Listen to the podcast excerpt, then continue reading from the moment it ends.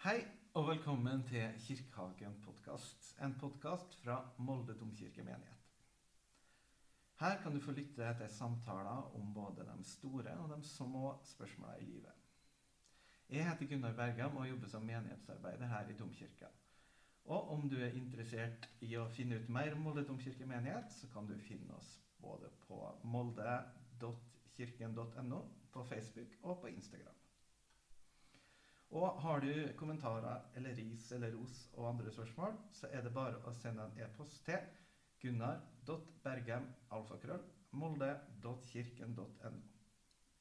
I dag skal vi snakke om presten. Ikke TV-serien, men yrket, rollen, embetet, kallet. Kjært barn har mange navn. Og jeg har med to gjester her ved hagebordet mitt som skal være med og snakke om det her.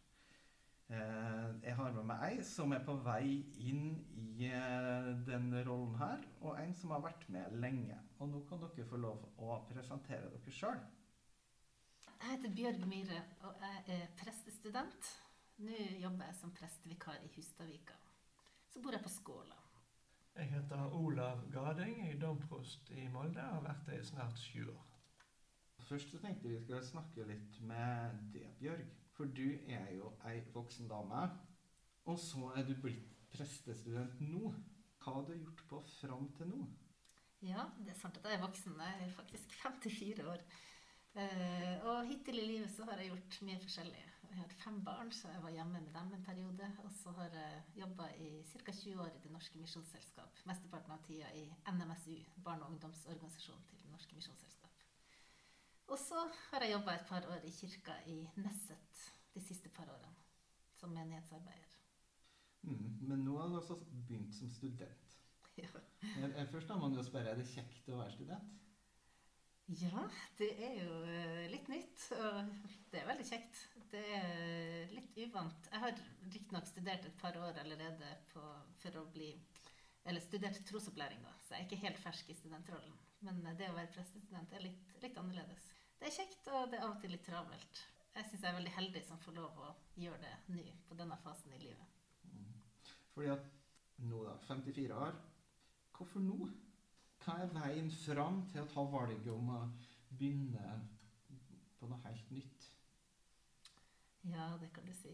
Uh, når jeg var ungdom, så var det faktisk en prest som oppfordra meg til å bli prest. Men da torde jeg ikke, og jeg tenker tilbake nå at uh, det hadde sikkert med mange ting å gjøre. Det var litt uvanlig med kvinnelige prester. og det var, det var stort. Jeg hadde ikke så mange kvinnelige forbilder, og det var nok et veldig stort skritt å ta. Jeg vokste opp i Nord-Norge, og det var, det var, litt forskjellige typer teologi rundt meg også.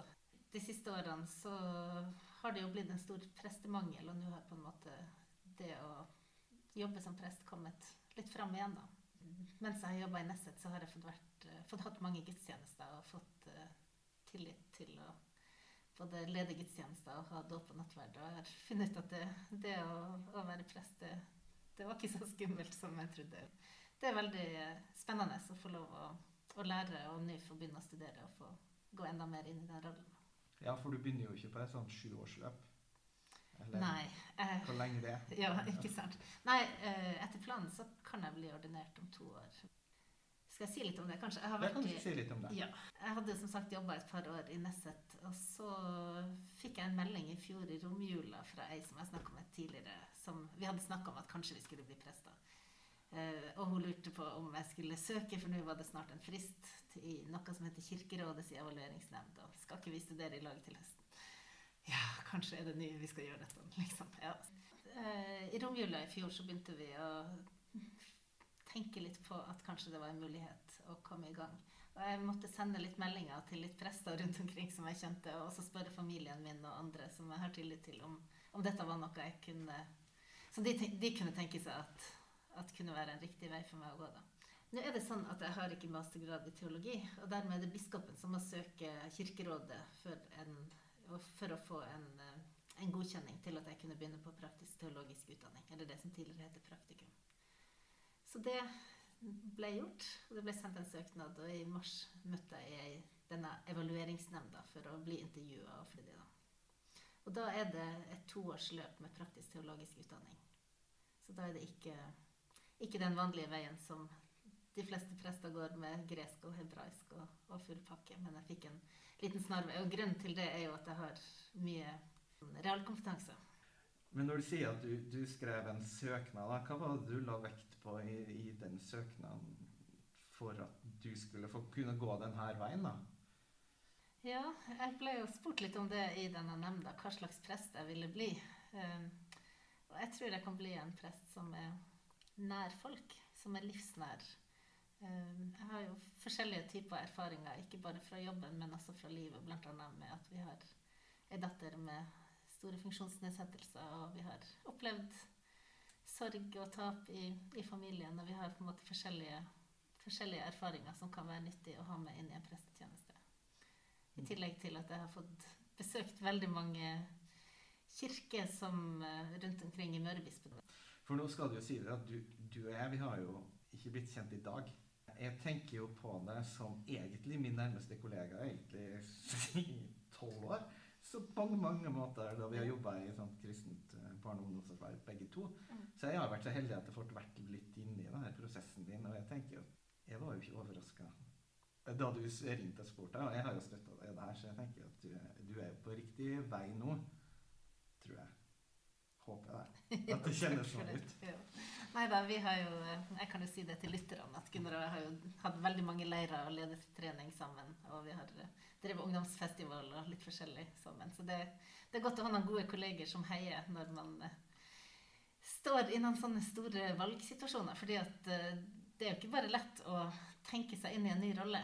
Det har vært noen dager med tvil på om kan jeg klare dette her? Er dette, er dette noe jeg skal gjøre? Er, det, er, jeg riktig person på dette? For det er jo et, et ord som vi nevnte her i begynnelsen, og det her med kall. Kjenner du et kall til prestegjerninga, skal vi kalle det? Mm, det gjør det. Eh, man kan snakke om forskjellige typer kall. En ting er jo at det er en veldig stor prestemangel, eller har vært en stor prestemangel i Møre nå i det siste. Eh, så, og det kan vi kalle et ytre kall, det at det er bruk for flere prester. Eh, og den har jeg på en måte tatt på alvor fordi at jeg har blitt bedt om å vikariere en del i gudstjenester og har på en måte kjent på kroppen at det mangler litt prester her og der.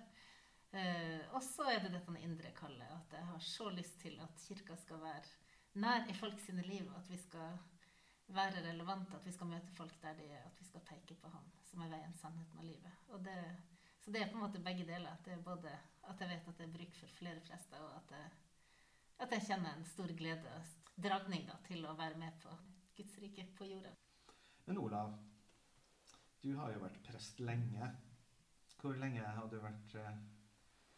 Jeg ble ordinert i desember 1987. Hvor lenge er det, da? Ja, hvor lenge er det siden?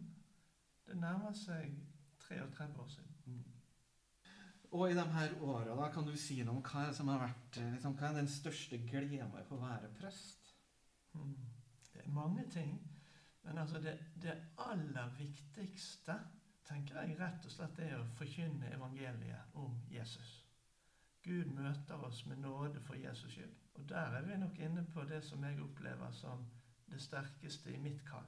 Og, og, det å kunne møte mennesker i ulike situasjoner med dette budskapet fra Gud, det er den største gleden.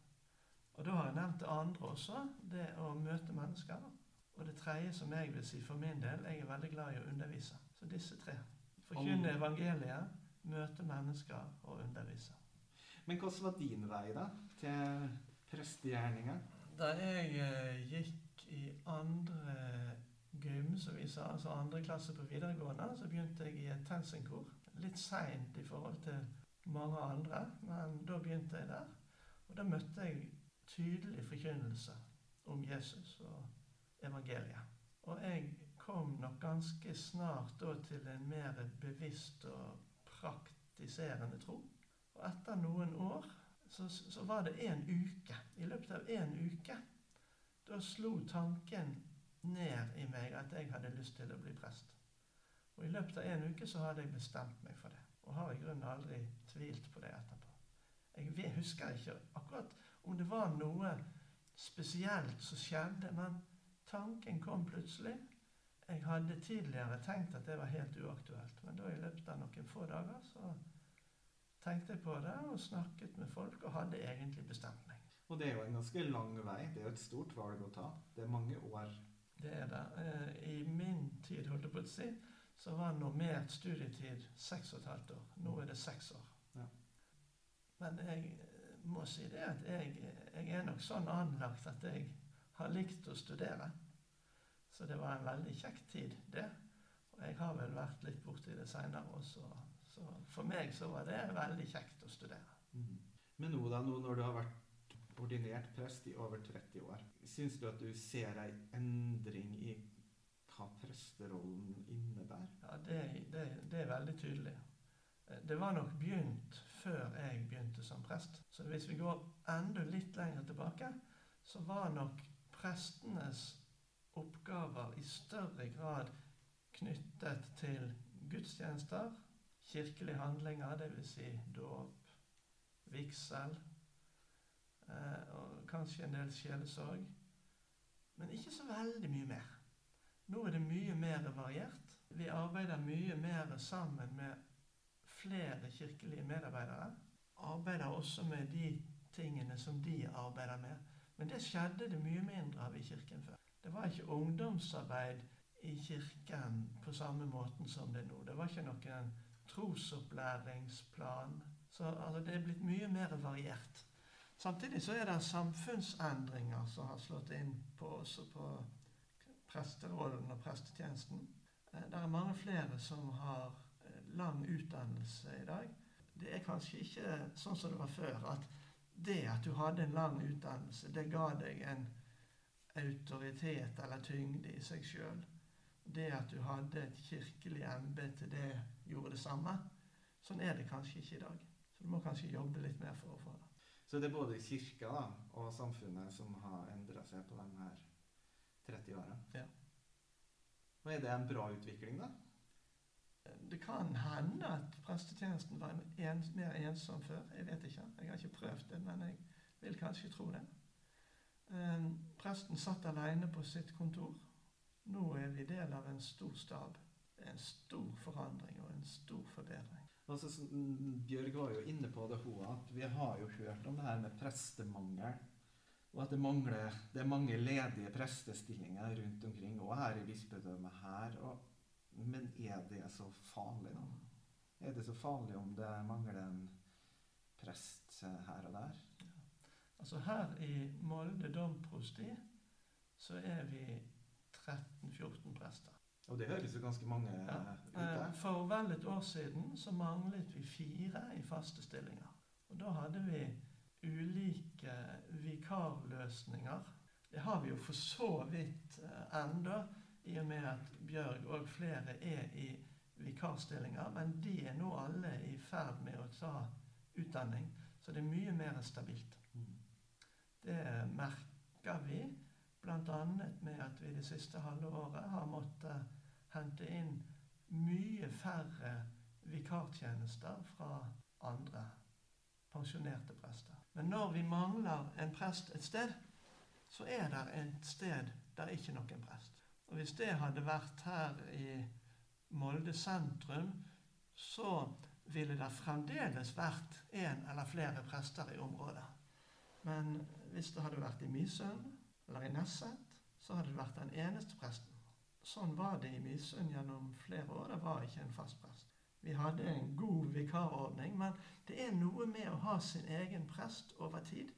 Når man kommer til gudstjeneste, eller til gravferd, eller til vigsel, og ikke møter den som man kjenner, det som er vår prest, så er det et stort tap. Jeg hører veldig mye om det fra folk som bor på steder der det er sånn. Så det er et stort, det er et stort tap. Mm. Og så har det selvfølgelig også konsekvenser for de prestene som er. Det blir travlere. En rekke mindre av de tingene som vi ønsker at presten skal ha tid til å arbeide med, hvis en må reise mer fra sted til sted og gjøre det aller mest nødvendige. Så det går ikke utover bare de stedene som ikke er prest. Det går også utover stedene rundt. Te- Tenker du at det, det er presten sin rolle da, her Kanskje, og kanskje enda mer i ikke-bynære strøk. Det er mer sånn at presten er noe mer, mer enn bare presten. Altså Alle veit hvem presten er. Dette bør jeg jo egentlig spørre noen andre enn presten om. Ja. Nei, men presten har vel en oppfatning av det her. Nå snakker vi om presten i tredje person. Det er jo litt artig i seg Ja, sant.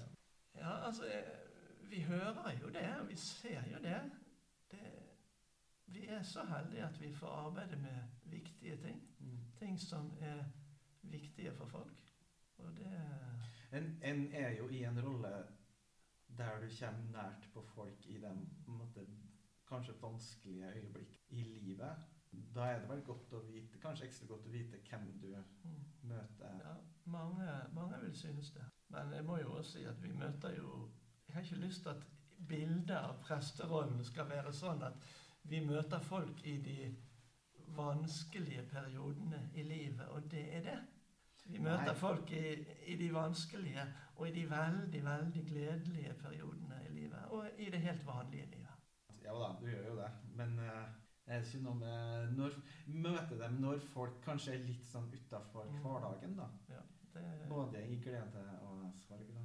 Og det er jo en ting du snakka om og Bjørke. Være nært mennesker sånn.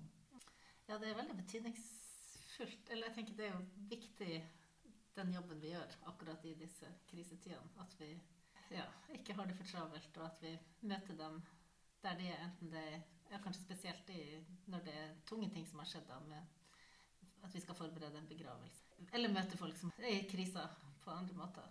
Eller skal gifte seg, da. Hvis vi skal Ja, på det Olav sier. Ja, ja. Ikke bare triste sånn. Ja, absolutt. Bare triste, men Ja. gifte seg, ha Ja. barnedåp. Ja, ja, ja. Det er jo fantastisk. Altså, det er jo, og det er ofte i, i disse dagene som ikke er de vanlige dagene, som kanskje folk stopper litt opp og tenker at eh, det er jo kanskje ikke bare dette hverdagslivet det handler om, men at kanskje det finnes noe større enn det vi ser til daglig også. Eh, Etter å ha arbeidet i menigheter i over 30 år, så syns jeg jo også at eh, vi skal ta med det at vi møter folk, altså ikke minst i det vanlige menighetslivet, og på butikken, og der vi ellers er. Altså vi møter folk i alle, alle deler av livet. Ja, for det er sånn Av og til så tar presten av seg snippen og går ut i byen som et vanlig menneske. Eller er den prest hele tida? Det må vi svare ja og nei på. For vi er jo prest hele tiden. Vi er ordinert prest, og vi er prest. Men vi er ikke på arbeid hele tiden. Eh, Så, så der, der er en sånn dobbel, dobbelthet i dette. Og dette er kanskje mer på mindre steder enn i, enn i byen. Folk vet at du er presten hele tiden. Jeg har fått veldig mange samtaler opp gjennom årene der det ikke var planlagt. Der det var helt tydelig at det var presten som snakket med en, En er i menigheten. Det var ikke en samtale med Olav, det var en Ja, samtale det, med ja det, det ble det. Og ofte så har det også begynt som en samtale med Olav. Mm. Men så har det blitt en samtale med presten. Så, så det er ikke sånn at vi ikke er prest. Men altså presten har det samme, det samme behovet for veksling mellom arbeid og hvile Mm. og fritid som alle har. Så hvis det er det vi snakker om, så er vi ikke prest hele tiden. Nei, for da, da du må hvile litt òg. Ja. Jo, for jeg tenker en har jo en mer synlig rolle, da. Det kan jeg si som en kirkelig ansatt som ikke har en like synlig rolle. At en vet jo at det er presten blir kirkas ansikt utad. Og det tenker jeg er jo både en fordel og sikkert kan være ei ulempe. Det kan være krevende. Mm.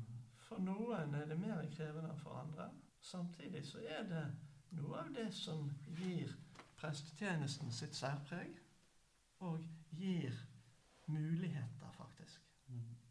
til å utføre prestetjenester. Jeg hadde en eh, fin opplevelse. Jeg skulle ha en begravelse i ei lita bygd. Og det var første gangen jeg skulle i den kirka. Så skulle jeg bare innom butikken først. Og så så jeg at både de ansatte og liksom andre folk der, de kikka så veldig på meg og smilte. Lurte på hva er det?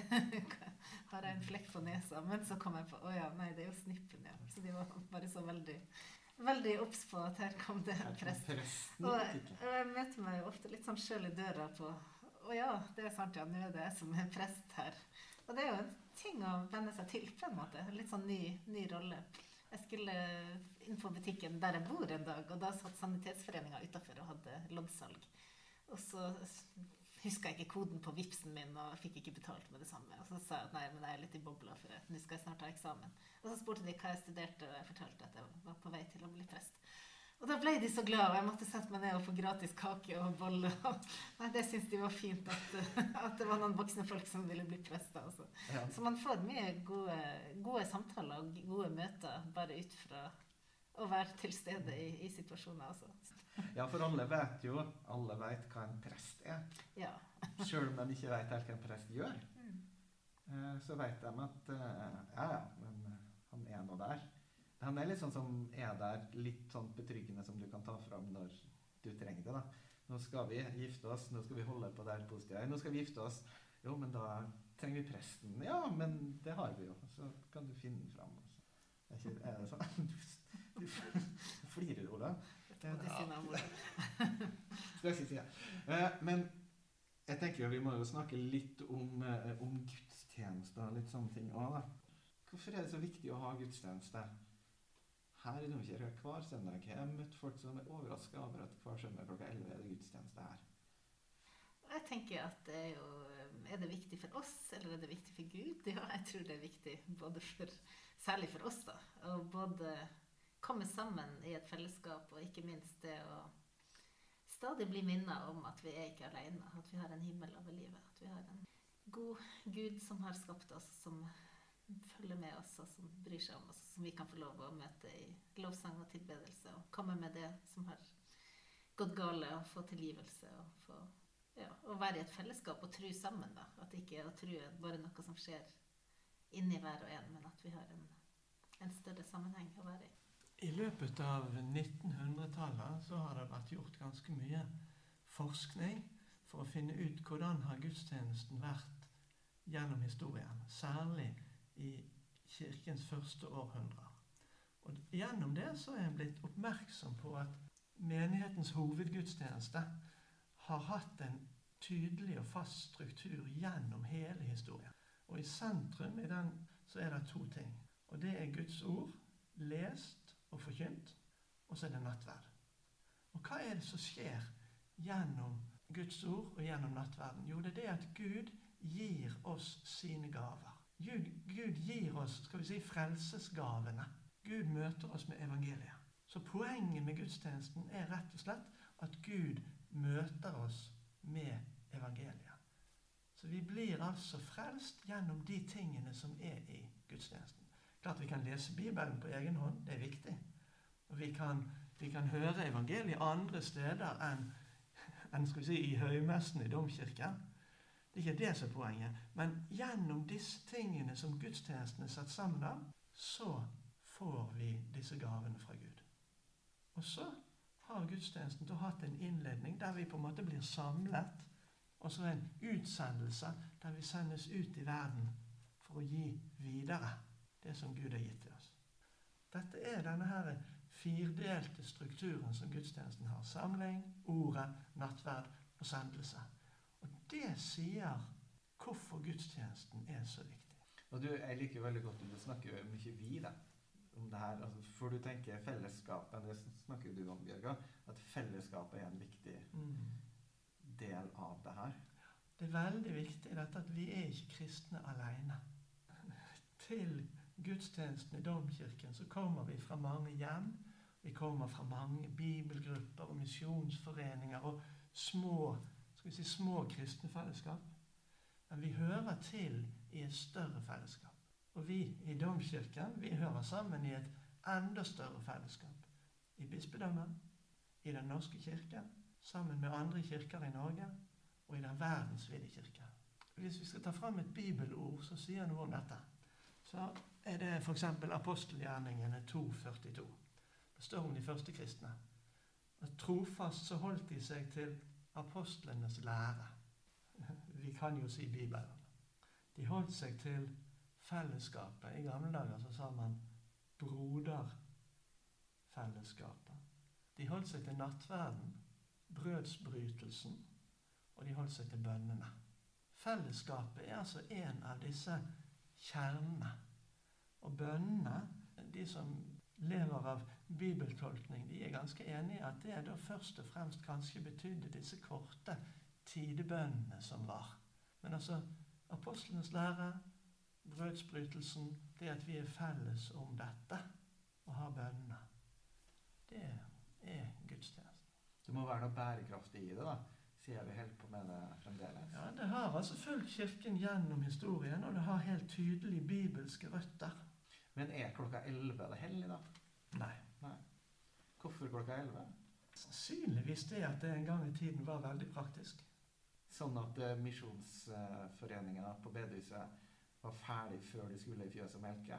Ja, eller at de hadde vært ferdig med å melke, og så Ja. skulle de ut og reise, og så Så det blitt lyst. Noe med det at det var lyst, det lyst nok til å få ro til kirka før eh, Og Men- det var men- lyst men- etterpå, men- men kom deg hjem igjen. Ja. Det er én ting i dette her. Altså, når vi er så tydelige på at det er noe som er sentralt i gudstjenesten, og det er ikke at vi gjør det akkurat sånn eller sånn eller sånn. Altså, Gudstjenesten kan utformes på veldig mange måter. Og reiser vi rundt i verden og kommer på gudstjenester i forskjellige typer kirker, så kjenner vi oss igjen. Vi trenger ikke forstå et ord. Og det kan gjøres på mange måter. En kan bruke orgel, en kan bruke andre instrumenter. Eller en har kanskje instrumenter. Eh, Det kan være presten som leder mye. Det kan være mange fra menigheten som deler på ansvaret for å lede i gudstjenesten. Det kan gjøres på mange mange måter, og det er ikke det som gjør det til en gudstjeneste. Men det er disse her tingene som skjer. Denne skal vi si, samtalen mellom Gud og menneske. For det, Gud, det fra Gud kommer alltid først. Og vi, som Bjørg sa i sted, vi responderer på dette med lovprisning og takk, og med at vi henvender oss til Gud. Og så blir vi sendt videre ut i verden. Men nå, da, er vi jo inne i en litt sånn spesiell tid. Hva, hva gjør det, da? Koronatiltak har jo grepet inn i kirkeliv, det òg. Hvordan tror dere det her spiller inn? Ja, man må i hvert fall ikke stivne i formen. Man må være litt omstillingsdyktig og prøve å gjøre ting på nye måter. Det er jo mange kirker som har god erfaring med å være enda mer på nett. Noen er, har gudstjenester ute. Noen begynner jo å lage pod. Noen begynner å lage podkast. Ja, dette var jo et, eh, Det et et, et resultat av korona. Ja, det er sant det. Eh, Så man må kanskje være enda mer kreativ og prøve å finne nye måter å både være sammen på og nå ut med budskapet. Vi må jo gjøre det beste ut av det, sånn som vi må gjøre på alle områder i samfunnet. Det er et særpreg også ved den kristne tro, dette som har med fellesskap å gjøre. Det er et stort tap, det at vi ikke har hatt det på samme måten som ellers. Det er helt sikkert. Og vi har jo sett mange var veldig glad for å kunne komme tilbake til gudstjeneste i kirken, selv om vi i begynnelsen, og faktisk nå også, måtte begrense det til 50 personer. Men mange var redd for å komme tilbake. Fellesskapet kun, kan bli litt sånn farlig når vi ikke vet om det er smitte der, og vi er redd for å bli syke. Noen var redd for å komme til kirke og møte en dør som var lukket fordi at det var fullt allerede. Det har vært mange smertepunkter i dette her. Hvordan tror du det vi kommer oss ut, da? Ikke sånn at eh, vi finner vaksine, men hvordan, hvordan ser det ut Hvordan ser kirken ut etterpå?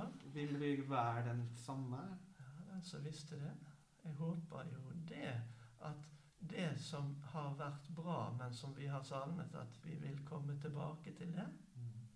Jeg håper jo ikke at eh, vi er blitt så vant til å ikke delta i gudstjenesten og andre ting at eh, vi ikke kommer tilbake til det. Men jeg håper jo samtidig at noe av det gode som har kommet frem, at vi kan ta det med oss videre. Podkasten er jo et eksempel. Men vi har ikke hatt så mange møter der vi har møttes, møtt hverandre. Vi har gjort mer, hatt mer møter på dataplattformer.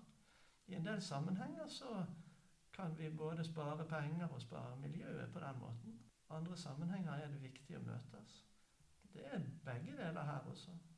Det stiller kanskje ikke bare Det er jo lett å tenke på de som er ansatte i kirka, men jeg tenker det er jo et stort ansvar for hele, alle de som høre til i menighetene og ha et våkent blikk for de rundt seg. Og på en måte både være obs på sin egen sårbarhet og sin egen reaksjon på den tida vi er i, og samtidig ha et åpent øye og øre mot, mot andre som kanskje sitter mye alene. Noen, noen er jo ikke så inne i den digitale virkeligheten, f.eks. Og noen At man kan jo ha ensomhet enten man er hjemme med små barn eller hva man har, liksom. Det kan jo være så mange typer både ensomhet og sårbarhet som kommer ut av denne tida.